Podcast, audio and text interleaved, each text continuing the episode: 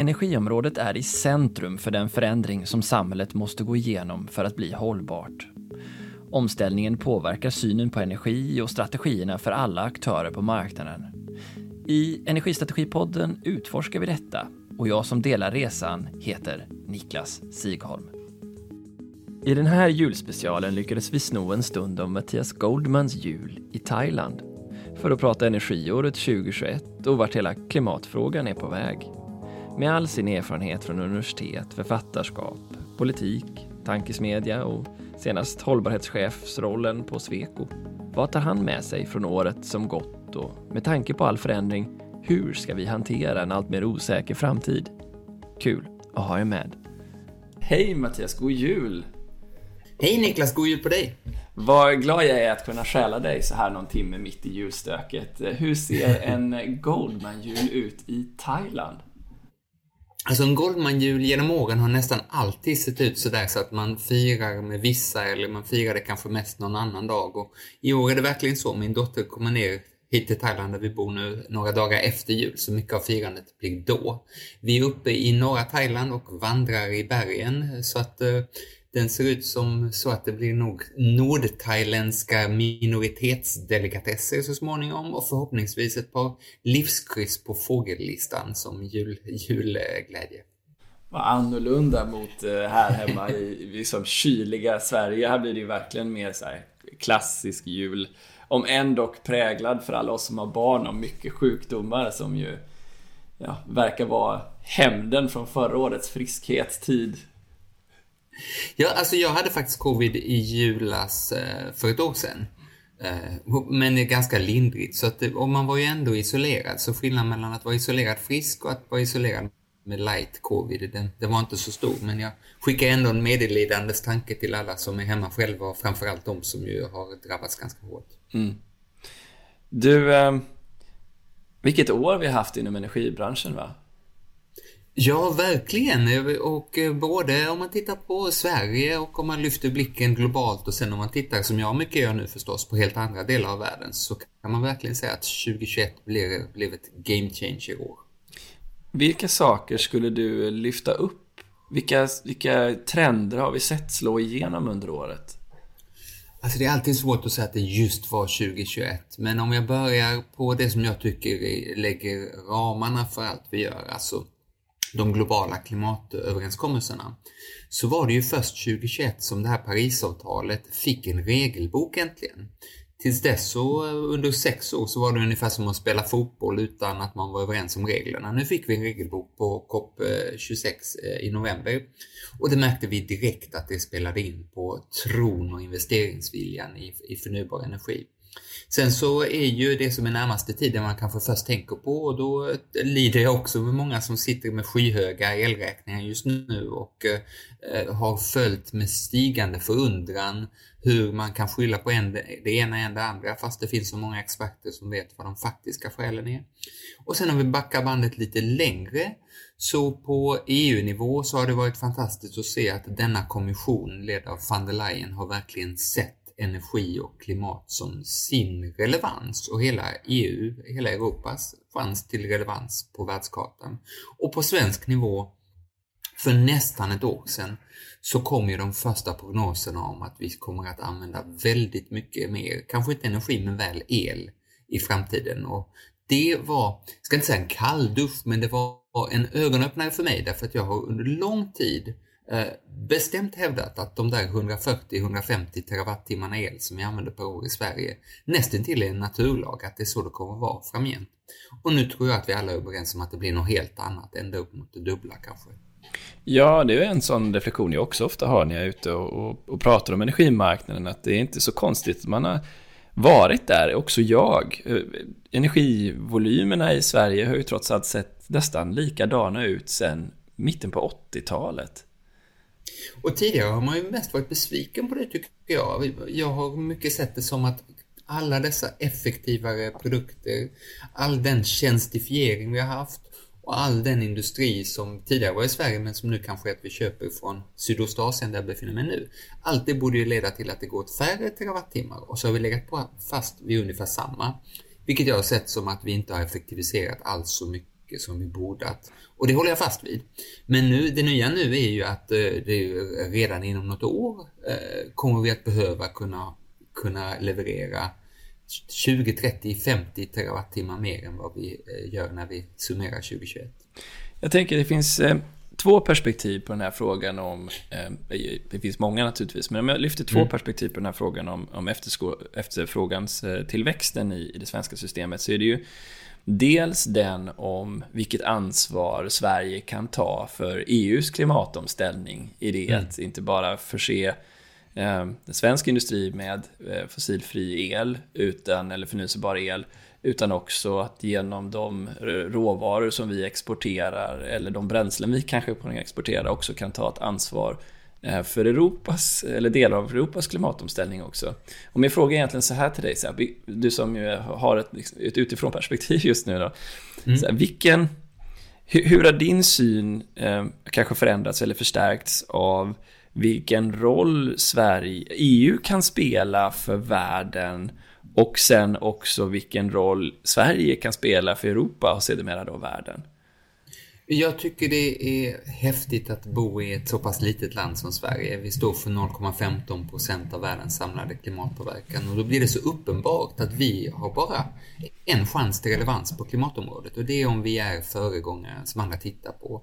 Det är om vi visar konkret hur omställningen ska gå till, om vi är den permanenta världsutställningen för klimatsmarta lösningar och inte minst på energiområdet. Eh, det tror jag vi behöver vara både i ett eh, globalt och i ett europeiskt perspektiv. Men jag skrev en hel bok om att jag inte tror särskilt mycket på ansvarsbördan i detta. Och det är ju inte ett ansvar som genom åren har gjort att vi har exporterat någonstans mellan 20 och 30 terawattimmar grön el till, eh, till Europa per år de senaste många åren.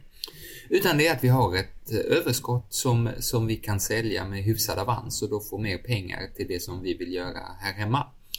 Och den bilden tycker inte jag har förändrats utan det är fortsatt så att gröna elektroner från Sverige gör klimatnytta utomlands och hjälper dig och mig att få ett eh, mer välfungerande samhälle med skola, vård och vägar att, att, att cykla på. Så jag tar det inte utifrån ansvarsperspektivet så mycket utan mer utifrån att det är en fin affär och särskilt nu de senaste veckorna har vi verkligen sett att elektroner får man bra betalt för. Det är en fin affär att uh, skicka gröna elektroner till kontinenten och det är ju dessutom så att vi måste, kanske också en lärdom från 2021, vi måste börja sluta eh, tänka på Sverige som en enskild eh, energi och elmarknad vi fattar ju, vi som är i branschen, att det är inte så. Utan den är, man räknar på nordisk elmix, vi har gemensamt certifikatsystem med Norge och vi har gemensam prisbild med åtminstone norra och västra Europa. Så att det gör ju också att jag mindre och mindre tycker att vi ska resonera i termer av vad gör Sverige gentemot resten av Europa? Vi är en del av ett system. Men om, om man gör den frågan, eller jag försöker göra den frågan lite mer konkret då, om man kliver ner till det. Jag tror ändå det uppfattas som en ansvarsfråga så och jag sätter det i kontexten att, ja men säg att vi ska ha power lösningar där vi ska ha mm. ännu mer vindkraft som ska göra ammoniak eller metanol som ska användas ja. för länders, eh, eller internationell sjöfart eller flyg eller vad det nu kan tänkas vara. Så kokar det ju ner till att de, alla de här elektrolysörerna behöver vindkraftsparker i Sverige och sol kanske även för den delen. Eh, men där vi ser att det är många ändå som känner att ja, vi ska ta ett ansvar för klimatet, men kanske inte just här i vår hemmakommun. Ehm, den balansen mellan miljö och klimat eh, blir ju väldigt konkret när man kommer ner på i en kommun, kommunstyrelse. Förstår, förstår du vad jag menar? Ja, så, så, är det absolut och jag eh, har genom åren följt eh, Not in my backyard mycket och funderat på varför den ibland slår igenom och ibland inte. Och en viktig del i det är ju att så länge man appellerar till ansvaret så är det lätt att säga att någon annan borde ta det ansvaret och det skulle jag nog också själv hålla med om om det vore så att eh, man säger att just hos mig ska det vara en massa vindkraftverk men varför inte hos grannen eller grannkommunen? Och det där har ju gjort att vindkraften inte hamnar på de bästa lägena. Försvaret är för sig en väldigt stor del av, av förklaringen, men också, det, det, också vetotanken och not in my backyard-syndromet. Och jag tror att eh, länder där det har gått betydligt bättre att etablera vindkraft eh, Danmark tidigare och Tyskland på sistone till exempel. Då har man mycket mer appellerat till att man är tydligare en del av eh, vinstskapandet i detta. Man eh, har vindkraftsaktörer som delar med sig på ett bättre sätt. Eh, och jag tror att det, det, är där vi kommer undan NIMBY. Dessutom så tänker jag att vi nu är mycket nära att se eh, ett tydligt kommersiellt genombrott för havsbaserat. Vi ser ju att den nuvarande nya regeringen, eh, rena socialdemokratiska regeringen, vill göra mer för havsbaserat med nätanslutning och liknande. Och vi ser priserna kraftigt sjunka. Sen tycker jag det är spännande också att se att även om det inte står för dörren alldeles nu med ett brett tekniskt genombrott, att se att det kommer nya aktörer inom vindkraft också. Jag skrev precis en uppsats till exempel eh, vid Uppsala universitet om den flytande havsbaserade vindkraften. Den eh, är än så länge klart dyrare men det finns inget liksom inbyggt i den som gör att den måste vara dyrare. Och allt det här att flytta längre ut till havs, längre bort från out of sight is out of mind så att säga, gör att NIMBY-syndromet blir eh, mindre. Men den viktiga nyckeln här tror jag är att man får en tydligare del av vinsterna.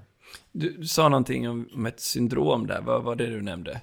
Ja, detta NIMBY-syndrom, not in my backyard, som eh, som ju håller på att förändras. Till exempel ser man mätningar i Danmark att ju närmare man bor ett vindkraftverk desto mer positiv är man. Och det är ju, tror jag, därför att man, eh, inte så mycket för ansvarskänslan, den är nog samma i Danmark som i Sverige, utan för att man är en del av, eh, av den vinst som genereras. Då blir det lite grann av NIMBY, not in my neighbor's backyard. Jag vill ha det hos mig, inte hos grannen, för jag vill ha en del av vinsten. Ja, det har ju legat en del förslag om hur man eh, kan göra det här för att dela vinsterna av förändringen som samhället går igenom. Allt från att behålla delar av fastighetsskatten till andra förslag. Men vi har inte, eh, vi har inte kommit dit än att vi har fått något genomfört. Hur, hur tolkar du politikens vilja att hitta sätt att dela på eh, insatsen här? Jag är kanske inte jätteimponerad av hur politiken de senaste åren har hanterat eh, de här frågorna. Vi har ju sett att man har hållit på väldigt länge med vetot och till och med hade de två ansvariga myndigheterna, Naturvårdsverket och Energimyndigheten, som kom med ett gemensamt förslag och sen så blev det utredning igen istället. Och på samma sätt här så har vi ju flera av partierna i den nu kanske pausade januariöverenskommelsen vill ju också komma vidare med en bättre vinstdelning. Under tiden så hade jag nog förväntat mig att vindkraftens aktörer självmant skulle komma fram med tydligare gemensam praxis. Det har de ju fortfarande inte utan någonstans så blir det en skidbacke och någon annanstans så blir det något annat och någon tredje stans så blir det kanske ingenting alls. Och det där kombinerat med vetot skapar ju, tycker jag, en väldig osäkerhet. Det skapar en slags utpressningssituation från, från, från kommunen gentemot vindkraftsaktörerna och eh, otydlighet för medborgarna. Vad kommer vi egentligen att få? Och då tänker jag att vi får utnyttja det faktum att du är statsvetare.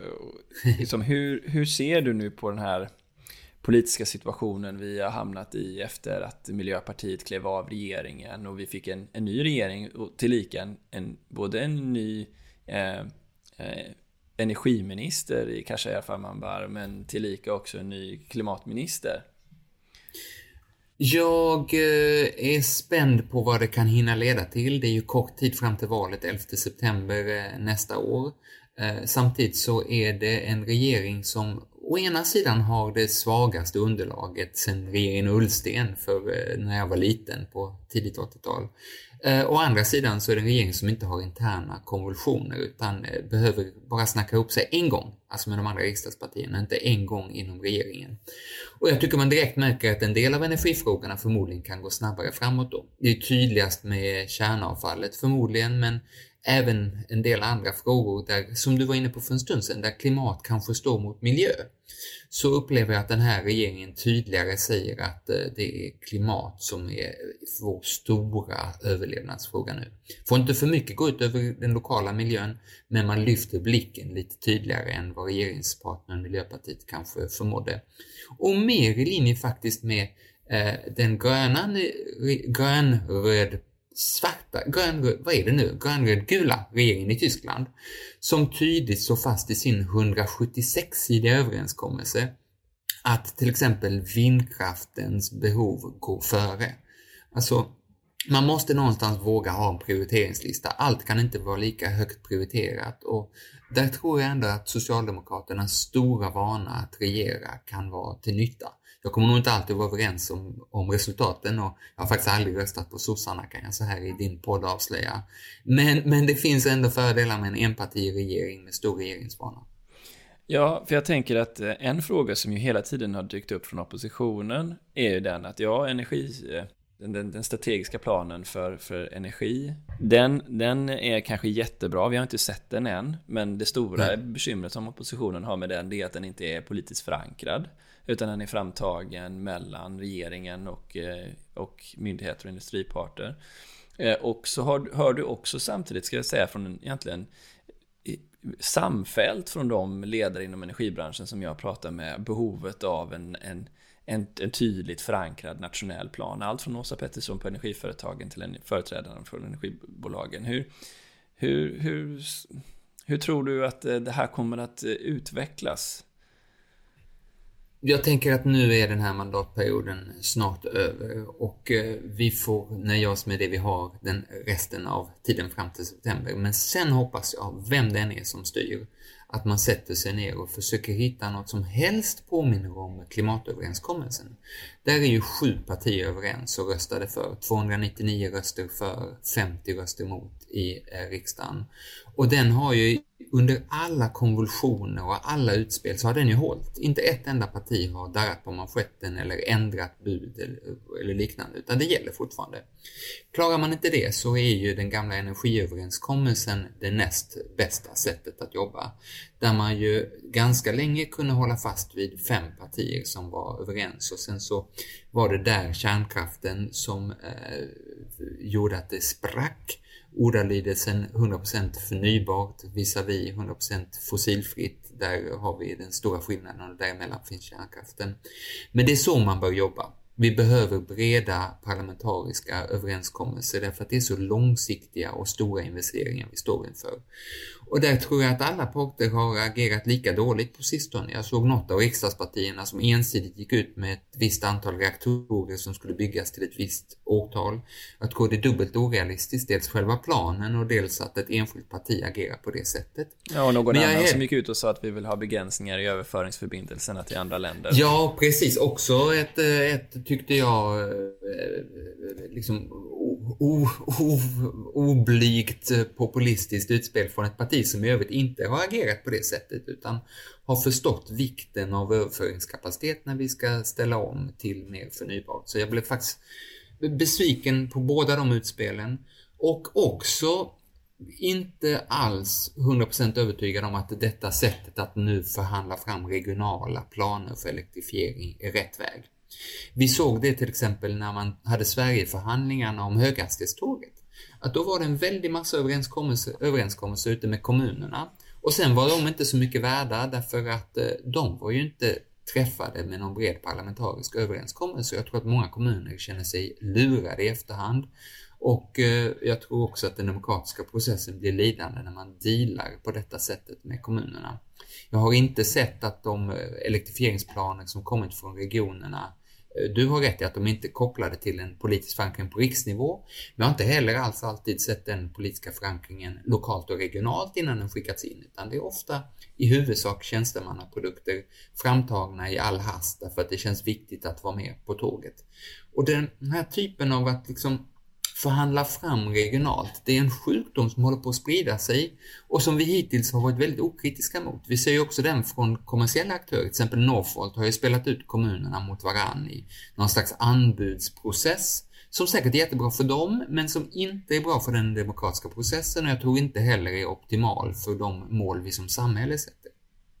Det, det är intressant, det föranleder mig på tanken att jag har av olika anledningar fått skäl att läsa igenom regionernas utvecklingsplaner. Mm. De tog ju över ansvaret från länsstyrelserna för ett antal år sedan för den regionala utvecklingsplanen. Och då kallas det för regional utvecklingsstrategi eller RUS. Och jag märker ju, kanske till min förvåning, att det är en så stor skillnad mellan vilka det är som har tagit fram den strategin som också inbegriper energi och energiutvecklingsfrågor för regionerna Eh, Eh, och vilka det är som gör det på kanske de energibolag som jobbar i dessa regioner och också hur det stäms av med då den, den kommunala ledningen. Det, ibland så stämmer det verkligen inte alls mellan vad, mellan vad de planer som energibolagen de facto har, eh, vilka nu än må det vara, och vad regionen tänker att man ska bli. Och, och eh, om man lägger till fler pusselbitar där så bara förstärks den bild du har. Till exempel så har ju det statliga initiativet Fossilfritt Sverige också tagit fram sektorsvisa planer som var och en för sig är underbara. De är då för till exempel eh, cementindustrin eller flyget eller liknande. Men när man lägger ihop dem så kräver de en mängd bioenergi, biomassa, biodrivmedel som är vida överstiger vad som fanns. Eh, eller vad som finns och vad som är rimligt att kommer finnas inom några år. Eh, och det där ihopläggandet har inte gjorts på något systematiskt sätt och många tänker nog nu att de där handlingsplanerna, eftersom de är inlämnade och mottagna och högtidligen framlyfta av detta statliga initiativ, att de på något sätt gäller. Och det kan de inte få göra därför att då hamnar vi i ett energimoras och vi har dessutom ingen koppling mellan dessa färdplaner, de regionala strategierna som du tog fram och vad man tänker sig på energibolagsnivå. Det, jag tycker det är nästan en sjuka nu att alla ska presentera en plan och helst ska den dessutom presenteras på debattsidorna och tas emot av ansvarig minister.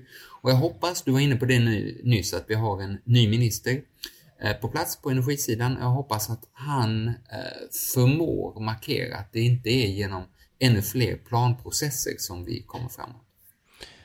Vad tror du då kommer vara de drivkrafterna som kan leda till förändring här. Någon form av nappatag kring de här processerna och bättre samordning. Och så spelar jag ut de topp tre jag har i huvudet då. Är det, ah, är det det faktum att väljarna nu puttar upp miljö och klimatfrågan till den högsta positionen jag har sett att den har haft som nummer tre inför valet. Eh, över skola och vård faktiskt. Eh, är det det faktum att vi ser en, en, en, potential till stor eh, tillväxt i Sverige i form av att de här investeringarna på 1070 miljarder, vad som presenteras bara i Norrbotten, kan leda till jättemycket jobb? Eh, eller är det påtryckningskravet som kommer med nya regleringar från EU?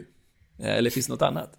Jag tycker det är en jättebra topp tre-lista som du har där. Jag skulle möjligen börja med tvåan, att eh, när det nu handlar om hundratals miljarder i eh, intäkter för Sverige, om tusentals jobb och dessutom om en helt ny Sverigekarta där det är delar av Sverige som många av oss tidigare tänkt på som kanske lite eftersatta som nu blir absolut loket i, i Sveriges omställning. Det är någonting som jag tror ingen politiker vill gå miste om. Och om man då går miste om det genom att man inte förmått leverera de terawattimmar eller den eh, i stunden effekt som vi alla vet är möjlig att åstadkomma, då tror jag liksom skammens påle, eller åtminstone rodnad, kommer att finnas där.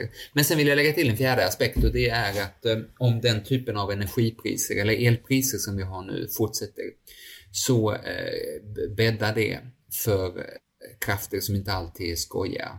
Vi ser nu hur många försöker knipa poäng på de höga elpriserna och det var ju precis det som ledde till till exempel gula västarna i Frankrike som till en början kanske inte var så dumt. Till en början så sa de bara att det, den här omställningen, den får inte drabba folk som inte har något val, utan den borde börja med medelklassen och de som har möjligheter att till exempel skaffa en elbil eller välja grönare el eller vad det nu kan vara. Men sen har det blivit en ganska obehaglig rörelse och jag kan verkligen lätt framför mig se att obehagliga rörelser kniper poäng på 4 kronor kilowattimman som det är väl uppe i nu i Sverige. Om jag eh, för det tillbaka till punkt nummer tre då, EUs, mm. eh, EUs önskemål och vi dröjer lite kvar vid Fit for 55-paketet som mm. ju var väldigt stort. Vi hinner absolut inte gå igenom det hela. Men vad, du, du nämnde ju själv att liksom, eh, från liksom första Parisavtalet eh, så har det varit en lång resa till Glasgow-mötet i höstas. Men däremellan den 14 eh, juli var det väl, så kom ju då Fit for 55-paketet. Vad, vad tyckte du var de stora punkterna därifrån som, som kommer få effekt på hur vi driver det här arbetet framåt? Jag tänker att det är svårt att eh, skilja Fit for 55 från själva klimatlagen som nu finns på EU-nivå och från EUs taxonomi som vi ju vet att många svenska bolag i princip i denna stund sitter och svettas med för att kunna leverera vad som EU kräver när det gäller att de ska berätta att de är miljömässigt hållbara. Men jag tycker det var häftigt att se att från detta i grunden för mig inte särskilt imponerande att sätta ett tufft mål långt in i framtiden. Eh, klimatneutralt 2050 har EU som mål. Att sen, och det är ju efter att van der Leyen och Timmermans och många av de andra förmodligen har slutat sina politiska karriärer och länge efter att du och jag har slutat att prata i poddar och liknande. Så det imponerar inte.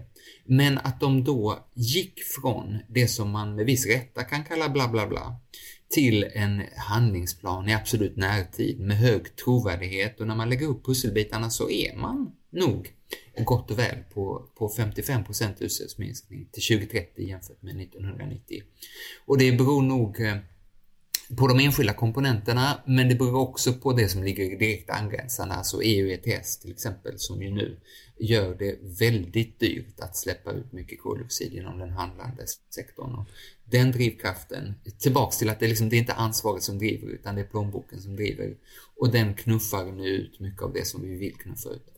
Jag, jag tänker att det är man ska aldrig gå tillbaks till en prognosmakares tidigare förutspåelser och säga haha, titta det var, det var fel. För att jag vet ju själv hur svårt det är att göra den typen av prognoser. Så jag har all respekt för alla de som är ansvariga på myndigheter runt om i Sverige som ska skicka ut Men, kommer det nu va? Men, det är ju ändå ett, ett intressant tecken på hur svårt det är att förstå utvecklingshastigheten när för jag var tvungen att gå tillbaka till bland annat SVKs rapport och titta på vilka utsläppshandelspriser de hade, tittat, eh, liksom hade räknat på. Och det var ju snarare eh, 70 euro per ton fram till 2030 som var i basfallet där. Och nu ser vi prognoser på att det kommer spränga inom en närtid 100 euro vallen till och med. Um, hur, med tanke på att det här är en energistrategipodd, hur ska man förhålla sig till det här den här liksom sprängkraften i hur snabba förändringarna är på sådana här liksom viktiga marknader. Jag tror att man ska göra precis som du är inne på här, att man ska ha någon i rummet som säger vad händer om? Därför att det var ju nästan ingen av oss som förutspådde de 90 det är nu och 100 var det många, inklusive jag själv, som sa. För det, vi hörde ju röster som sa att det behövs ett pris på 100 euro per ton. Och så var det sådana som jag som eh, inte trodde att det någonsin kunde ske och därför argumenterade för att det behövs inte utan vi kan få utvecklingen även med ett lägre pris. Men nu får vi undra. Och då, den som är väl förberedd för det är ju också den som kommer att eh, casha hem på detta. Och, och, och, några av de aktörerna är sådana som tidigt satte ett högt internt pris på koldioxid. Eh, det har vi sett eh, framförallt inom tillverkande industri men nu börjar vi också se det på andra håll och till och med kommuner som börjar sätta ett pris på koldioxid för att vara väl förberedda när det där priset på riktigt kommer även inom de sektorer som fortfarande får gratistilldelning eller fortfarande ligger utan EU, utanför EU ETS. Det var en intressant tanke. Det vill säga att man i det strategiska arbetet bör ha en utsedd person som hela tiden säger vad händer om vi inte får släppa ut någon koldioxid, säg 2030, längre? Vi, ehm, jag satt i Swecos ledningsgrupp nyligen och vi hade inte riktigt utpekat på det sättet, men nästintill. Där man verkligen uppmuntrades att vara den som säger, nej men tänk om vi alla tänker helt fel nu. Och jag tror att en bra ledningsgrupp ser till att någon har, att någon har den rollen. Och helst att det inte är samma person jämt, för då vet man ju att den där Niklas han kommer snart att säga att. Utan man ska, man ska låta det där växla. Så att, eh, så att många vänjer sig vid tanken att eh, utvecklingen är inte så som vi förutspår utan den kan bli eh, något helt annat. Och, och, det där är viktigt att det inte hamnar hos hållbarhetsgänget tror jag. Utan till exempel på priset på EU ETS, då är det ju helt avgörande att de som eh, säkrar kostnaderna för till exempel inköp av bränslen eller liknande, att de är med i den här matchen. Och när vi nu så småningom ska titta på boksluten för, för bolag inom den handlande sektorn för 2021 så kommer vi att se att helt avgörande för vilka som har lyckats bra är vilka som har förutspått de här priserna och säkrat sig, köpt terminer, hedgat och liknande. Det är alltså en, en expertisroll som vi inte alls förknippar med klimat eller ens med energi kanske i vanliga fall, utan de som sitter och, och, och säkrar leveranser för 20, 2025 i det här fallet. kanske. Ja, jag tänker att den kopplingen är ju lätt att dra till hela pandemin. Eh, jag läste ja. en stor artikel i Financial Times här för någon vecka sedan om att eh, hela logistikbranschen har gått från just in time till just in case typ av tänkande. Ja. Eh, att man får sprida sina risker. Samtidigt innebär ju det här ganska svåra strategiska utmaningar för många av energibolagen eftersom det ju handlar om att ta risk på ett helt nytt typ av sätt. Om, jag får liksom referera till liksom hur jag har varit van i projektprocesser och mm. investeringsprocesser så har det ju med tanke på branschens stabilitet ändå utarbetats en ganska liksom, stabil tyngd i nettonuvärdesberäkningar och return on investment och liksom beprövade kalkylräntor som har varit hela basen för hur man bygger upp sin, sin projektportfölj och vilka investeringar man ska ta. Och nu helt plötsligt kommer det in jokrar som helt kullkastar det normala liksom, mm. Eh, sättet att värdera vad man investerar i. Ehm, ett sånt fall är ju CCS-tekniken som ju är en genuin osäkerhet. Jag tänker att du är helt rätt på, rätt på den att eh, när man tittar på eh, return on investment eller return on energy invested eller liknande så hamnar man rätt i Excel men fel i verkligheten. Eh, och det beror dels på att den förändras på ett oförutsägbart sätt men också på att politiken ju vill saker och det som politiken vill får stimulansen. Jag pratade tidigare om den här eh, flytande vindkraften och där ser vi att eh, länder som Storbritannien och USA har satt kvantitativa mål för exakt hur mycket de vill ha. Japan har nu sin första omvända auktion för att eh, köpa, köpa in flytande vindkraft och det gör att det inte är relevant att göra en vanlig kostnadsberäkning på det, där ju den flytande vindkraften inte alls, inte alls står sig. Men den står sig ändå därför att de här länderna säger att så här mycket ska vi ha, i stort sett kosta vad det kosta vill. Och, du har, och på samma sätt gäller nu CCS och inte minst kopplat till bioenergi där ju Sverige nu har bestämt sig för att vi ska vara ledande inom BEX eller bio-CCS. Och man har eh, avslagit, eller man har anslagit pengar för det, men man har inte i grunden sagt vilken kostnad per, eh, per klimatnytta man accepterar, utan man accepterar i princip vilken som helst, bara vi tar ledarskapet. Här. Ja, vad tycker du om det då? För där, där, blev det ju en förändring när oppositionen fick igenom sin justering av budgeten här under hösten. När man gick från 400 miljoner kronor per år från 2026 va, eller någonting liknande upp till 2 miljarder. Um, och det är ju kanske mer än vad det klimatpolitiska rådet eh, liksom, eh, trodde, men, men det är ju fortfarande långt ifrån den volym som vi nu ser att marknaden kanske kommer att vilja efterfråga. Bara Stockholm Exergi är 800 000 ton. Om du räknar om det här till 1200 kronor tonnet koldioxid så blir det inte mer än, än, än, än kanske ja, eh, knappt 2 miljoner ton. 1,6 miljoner ton. Ja, jag tycker faktiskt det var jättebra, eh, ingen jämförelse i övrigt, men just där tycker jag det var jättebra att den här budgeten eh, satsade så pass mycket på CCS-tekniken. Tyvärr så har vi ju vilat oss i form rätt länge i klimatfrågan, så vi kan inte bara minska våra utsläpp, utan vi måste också hantera koldioxid i atmosfären. Sverige med vår stabila berggrund, vår närhet till Norge med alla deras eh, numera rätt tomma oljefält där man kan lagra koldioxid. Det är en jättebra kombo.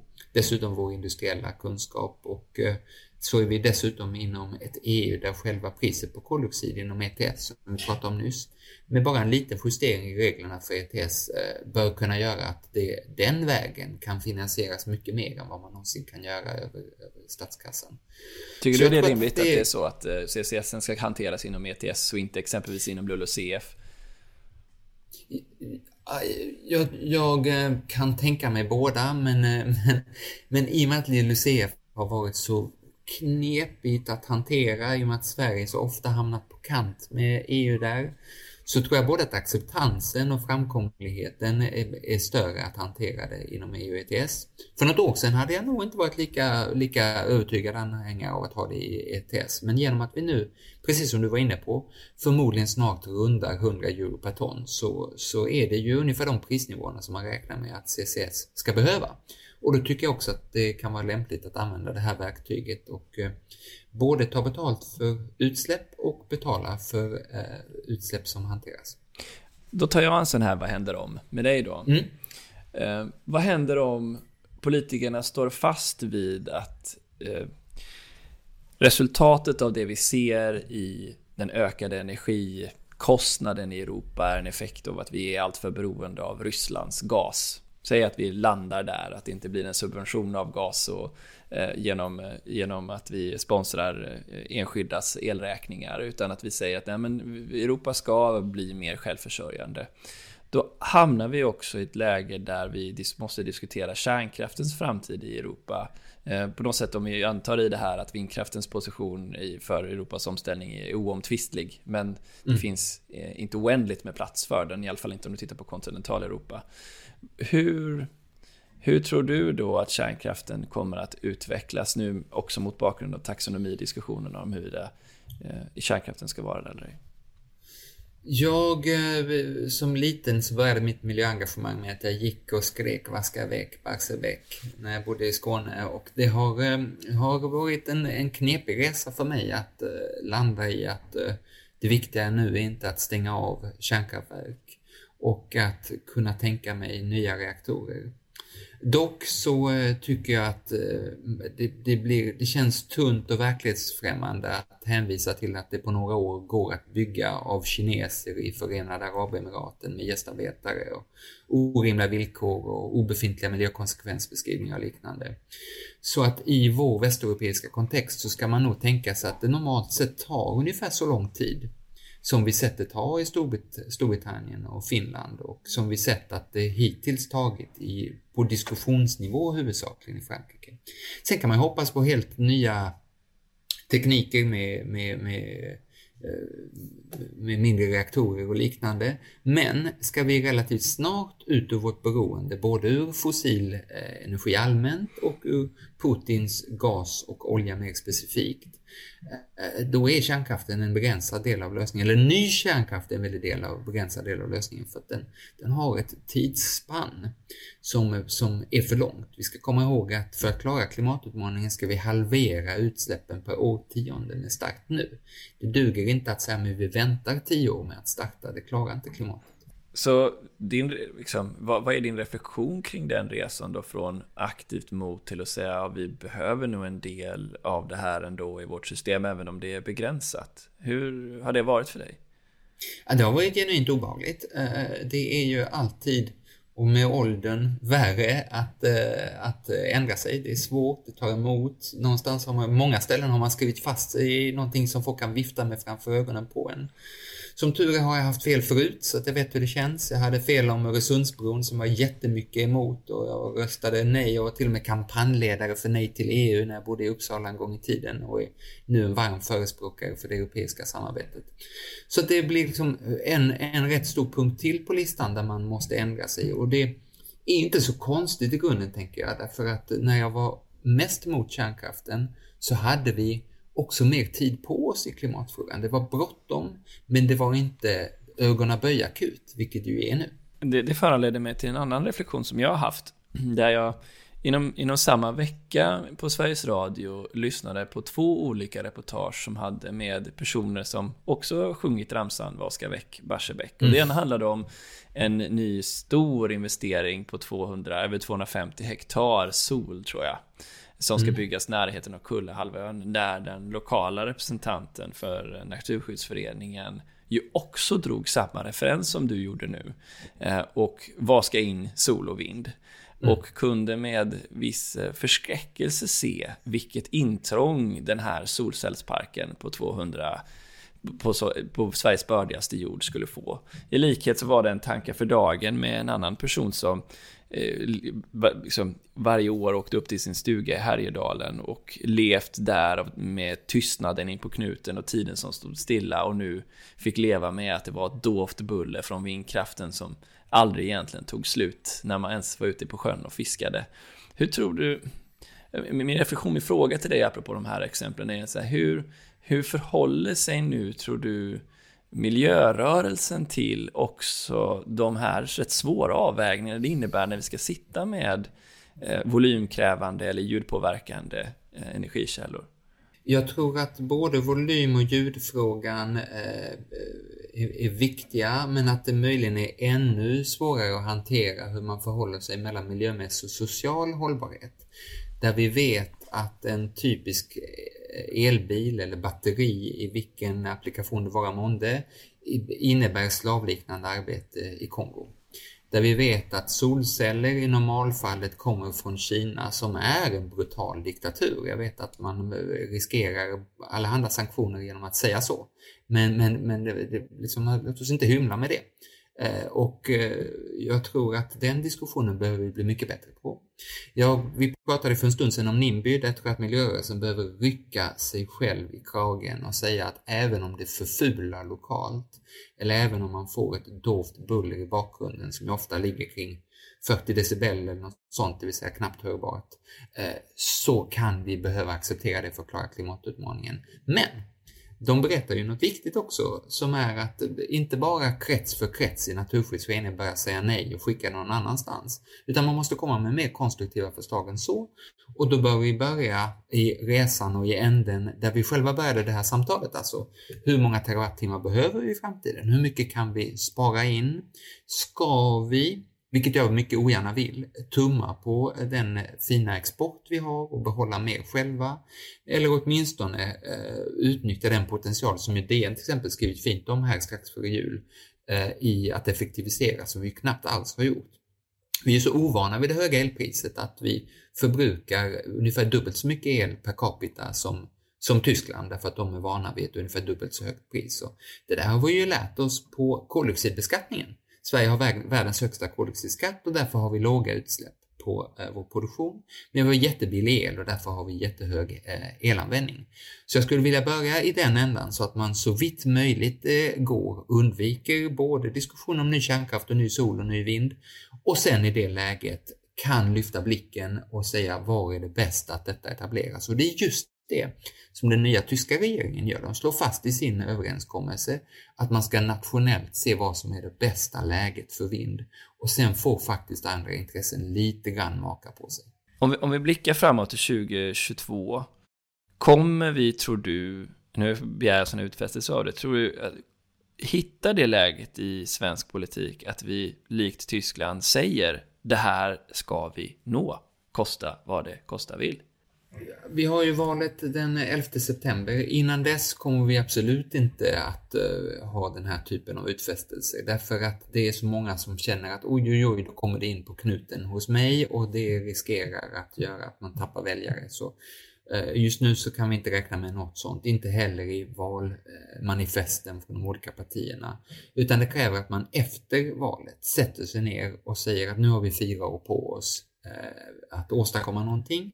Och dessutom så har vi krav från EU och precis som du var inne på för ett tag sedan, i grunden krav från väljarna på att leverera ett elpris som är rimligt för hushållen, leverera tillräckligt mycket effekt för att den industriella omställningen ska funka och eh, leverera ett energisystem som kan göra Sverige till eh, en föregångare som omvärlden kan imponeras av. Jag såg eh, David, David Attenboroughs inledningstal till COP 26. På COP ja, fenomenalt. Och där visar han ju då vid ett tillfälle, förut, det, det är ett tips för alla er som inte har sett den, sök på David Attenborough COP 26. Eh, ja. För det, jag tror den är sju minuter lång, väl värd att se. Eh, men där visar han ju på också då alla länders olika flaggor och hur många ton koldioxid man har per invånare och visar på att det är möjligt att åka ner till, jag vet inte vad, gräns, vad linjen han sätter upp där, men någonstans runt ett ton. Och vi ligger på vad då, 8-9 i Sverige. Just det. Och, och, vi har en sån här, vad händer om, vad händer om vi måste dit? Mattias?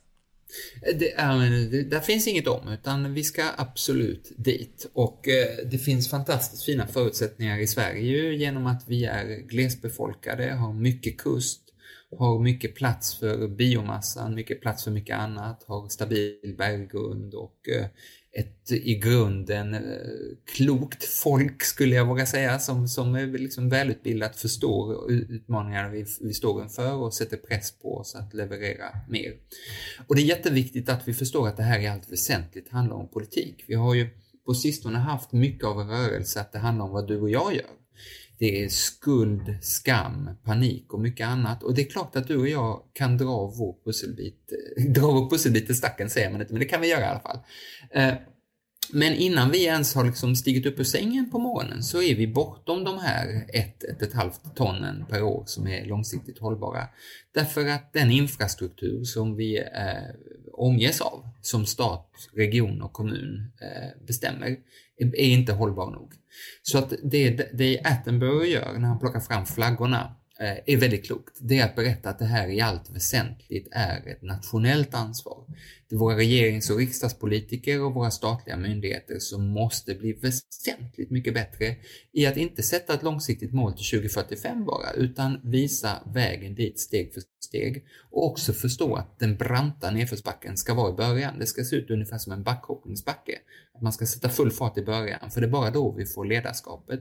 Och för klimatet gör det jättestor skillnad om utsläppsminskningen kommer sent med massa utsläpp under tiden eller om det kommer tidigt med mycket mindre ackumulerade utsläpp. Det är ju en eh, rätt stor förflyttning ändå, eh, om vi skulle säga att det är från 9 till 1. Hur ser det samhället ut? Som du ser det? Jag, jag tror att det inte ser så väldigt annorlunda ut, därför att många av de skiftena, eller de möjligheter man har att minska med ungefär 90% är sånt som man gör eller borde göra eh, i vardagen.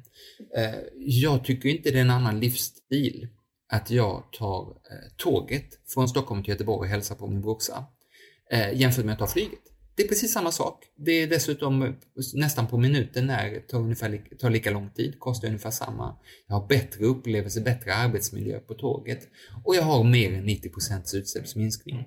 Samma sak med skiftet från fossilbil till elbil eller från att ta sig till jobbet varje dag till att jobba distans ibland.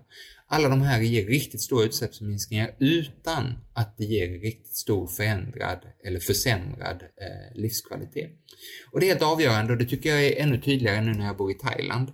Att du och jag som har det hyfsat välställt ändå, eh, man kan förvänta sig av oss att vi är beredda att ändra och sänka vår livskvalitet. Men de flesta i Sverige och ännu mer i ett globalt perspektiv har kämpat superhårt för sin livsstil och är inte beredda att säga jag ger upp fotbollsdojorna till dottern eller pianolektionerna till sonen för klimatets skull för att det kommer att kosta mer att eh, behöva göra de saker som klimatet kräver. Så kan vi inte ha det. Utan det måste vara lätt, lustfyllt och lönsamt att göra rätt. Och det fina med omställningen eh, i energisektorn till exempel är ju att det allt mer är marknadsdrivet och väldigt mycket av det som behöver ske kräver nästan bara att de här subventionerna som fortfarande finns för det ohållbara tas bort. Om vi blickar framåt nu då, vi tar spjärn från eh, både Fit for Five men COP26 och du beskriver lite mm. för oss vad i media så beskrevs ju COP-mötet i Glasgow eh, som en snudd på katastrof. Vi undvek eh, det, det, det värsta i, i, sista minuten, för det var länder som ville skriva bort exempelvis kolets betydelse för hur mycket vi skulle, att hur mycket vi skulle ta bort. Eh, vad, är, vad är din bedömning, vad, vad är din tro, kanske förhoppning om vart, mm, vi avgränsar frågan inser jag, vart EU klarar av att ta diskussionerna från Fit for 55-paketet i den vindlande väg som ska gå fram till att de här förslagen från kommissionen beslutas, vadå, jag vet inte riktigt vilket år det är, 2023 kanske? Någonstans, jag, jag tror ingen vet utan det kommer att bero på hur lång tid det tar i parlamentet. Men det är helt rätt som du beskriver det att ofta tror folk att saker är beslutade för att kommissionen har lagt ett förslag. Men det ska ju förhandlas i, i, i vissa frågor, till exempel eh, taxonomin. Då bestämmer kommissionen själv, det är en delegerad akt. Men i de flesta frågor så måste det förhandlas med parlamentet och med ministerrådet och eh, då vet vi att eh, länder, eh, Visegrad-länderna som de kallas, alltså våra eh, central och östeuropeiska kompisar, eh, inte kommer att vara superförtjusta i allt som föreslås. Så att eh, det här kommer att bli en tuff match. Det kommer att bli ett givande och tagande och jag tror att Sverige måste också vara med i det givandet och tagandet och en del av det som vi kanske måste släppa lite på är vår starka vurm för att använda biomassa väldigt mycket mer än vad man på kontinentaleuropa tycker är, är rimligt. Mer övergripande på, på global nivå så ska man förstå att FN-förhandlingarna, de lägger golvet bara. Vi fick ett så bra golv som man någonsin kunnat hoppas på på COP26. Vi hade ju Parismötet COP21 och sen så 22. 23, 24, 25 lyckades inte få till en regelbok. Nu har vi regelboken på plats, det lägger grunden, det lägger golvet att stå på. Och sen har du rätt att jag hade mycket hellre sett att det stod att kol ska phase out istället för detta märkliga face down som det står nu. Det ska alltså fasas ner detta kolkraft. Men det är å andra sidan första gången man pekar ut någonting på energiområdet. Det har aldrig hänt förut på 26 år. Att man säger vaska bort. Då är det tillbaka till detta gamla vaska väck, men nu är det kolet som tydligt ska väck. Och man tydligt säger också att ineffektiva subventioner, de är ju ineffektiva per definition, ska arbetas bort. Så de skrivningarna Eh, är viktiga och det är lite så också att eh, klimatförhandlingarna blir vad vi gör dem till i efterhand. Säger vi, som Greta Thunberg ganska oansvarigt gör tycker jag, säger att det där var bara, bara bla bla bla, ja då blir det bara bla bla bla. Säger vi att titta här nu, nu har vi kommit överens om att kolet ska fasas ner, då måste man, och vi begär en plan för en nedfasning. Och säger vi att vi har ju enats om i The Glasgow Pact att subventionerna ska bort, då vill vi se subvention för subvention till det fossila som ryker. Och sen har vi över 30 olika överenskommelser där svenska storföretag och Sverige som land ofta är med, till exempel 100% elbilar 2035 och noll avskogning 2030 och metanutsläppsminskning 2030 med 30%. Håller vi med Greta att de där är ju inte juridiskt bindande och bara bla bla bla, ja då händer ingenting. Betonar vi att till exempel det finanspolitiska ramverket i Sverige inte heller är juridiskt bindande, men vi håller alla fast vid det och vi respekterar det allihop, säger att samma sak ska gälla här och driver på och vägrar acceptera något annat än en tydlig plan för att klara de här löftena, ja då gör de skillnad. Så jag vill vädja lite grann till Greta, till miljöorganisationer och till journalister som alla dras med i samma driv eller drev här, att eh, ju mindre man tror på någonting, desto mindre blir det. Och ju mer man säger att det här var bara snack, desto mer får man rätt i att det var bara snack. Ja, jag har ju hört dig tidigare också prata om det här. Vi måste, vi måste hitta kompromisser, vi måste se helhetsambitionen bland annat i, i paketen runt Fit for 55 och inte lyfta ut precis det vi inte gillar och ja. bara prata om det. Eh, ändå då så kan jag inte låta bli att ställa dig frågor om hur du resonerar. För, för den frågan kanske som har varit jag ska inte säga värdera det, men en fråga som har fått många liksom få ont i magen är den om skogen och hur man ser ja. på, liksom, från EUs håll på svensk skogspolitik. Där vi har haft som framträdande politiker och kloka politiker som Emma Weisner som gått ut och tydligt pekat på vad konsekvenserna av det här blir. Inte bara för att skydda svenska intressen utan faktiskt också ur klimat och miljöperspektiv. Ska vi Ska vi, ha, ska vi liksom även ska vi ta den typen av kostnader i förhandlingar även när det verkar dumt ur både ekonomisk och miljömässig hållpunkt? Jag tycker att Emma Wiesner har varit spännande att följa. Hon berättade ju i sin egen eh, Clubhouse att hon in i det sista tvekade om hon skulle rösta ja eller nej till, till taxonomin som det här handlar om. Och till slut så landade hon i vad jag tror med minsta möjliga marginal i att rösta nej. Eh, och då tror jag att man kanske mer gick, vilket är naturligt för vissa partier, att mycket går jord och skogsbrukarnas intressen än att se till helheten. Man måste inse att det är ett givande och tagande här. Man måste också inse att de flesta länderna i Europa har en helt annan situation på bioekonomiområdet än vad Sverige och Finland, i princip bara vi två, har, eh, har här. Och sen så tänker jag också att eh, vi missuppfattar EU ibland. Vi ser eh, ett EU-direktiv och tror att det där måste dag ett till punkt och pricka följas. Men EU har ju också eh, sedan gammalt en princip om att lägsta möjliga nivå ska bestämma saker. Som Sverige inte alls har utnyttjat på samma sätt som Ungern gör på det skamligaste av sätt tycker jag.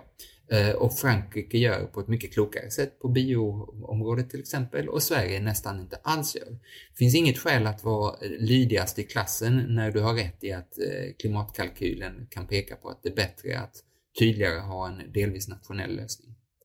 Det där måste ju också innebära då att politikerna mycket tydligare går in och pekar på vad man vill ha, eller?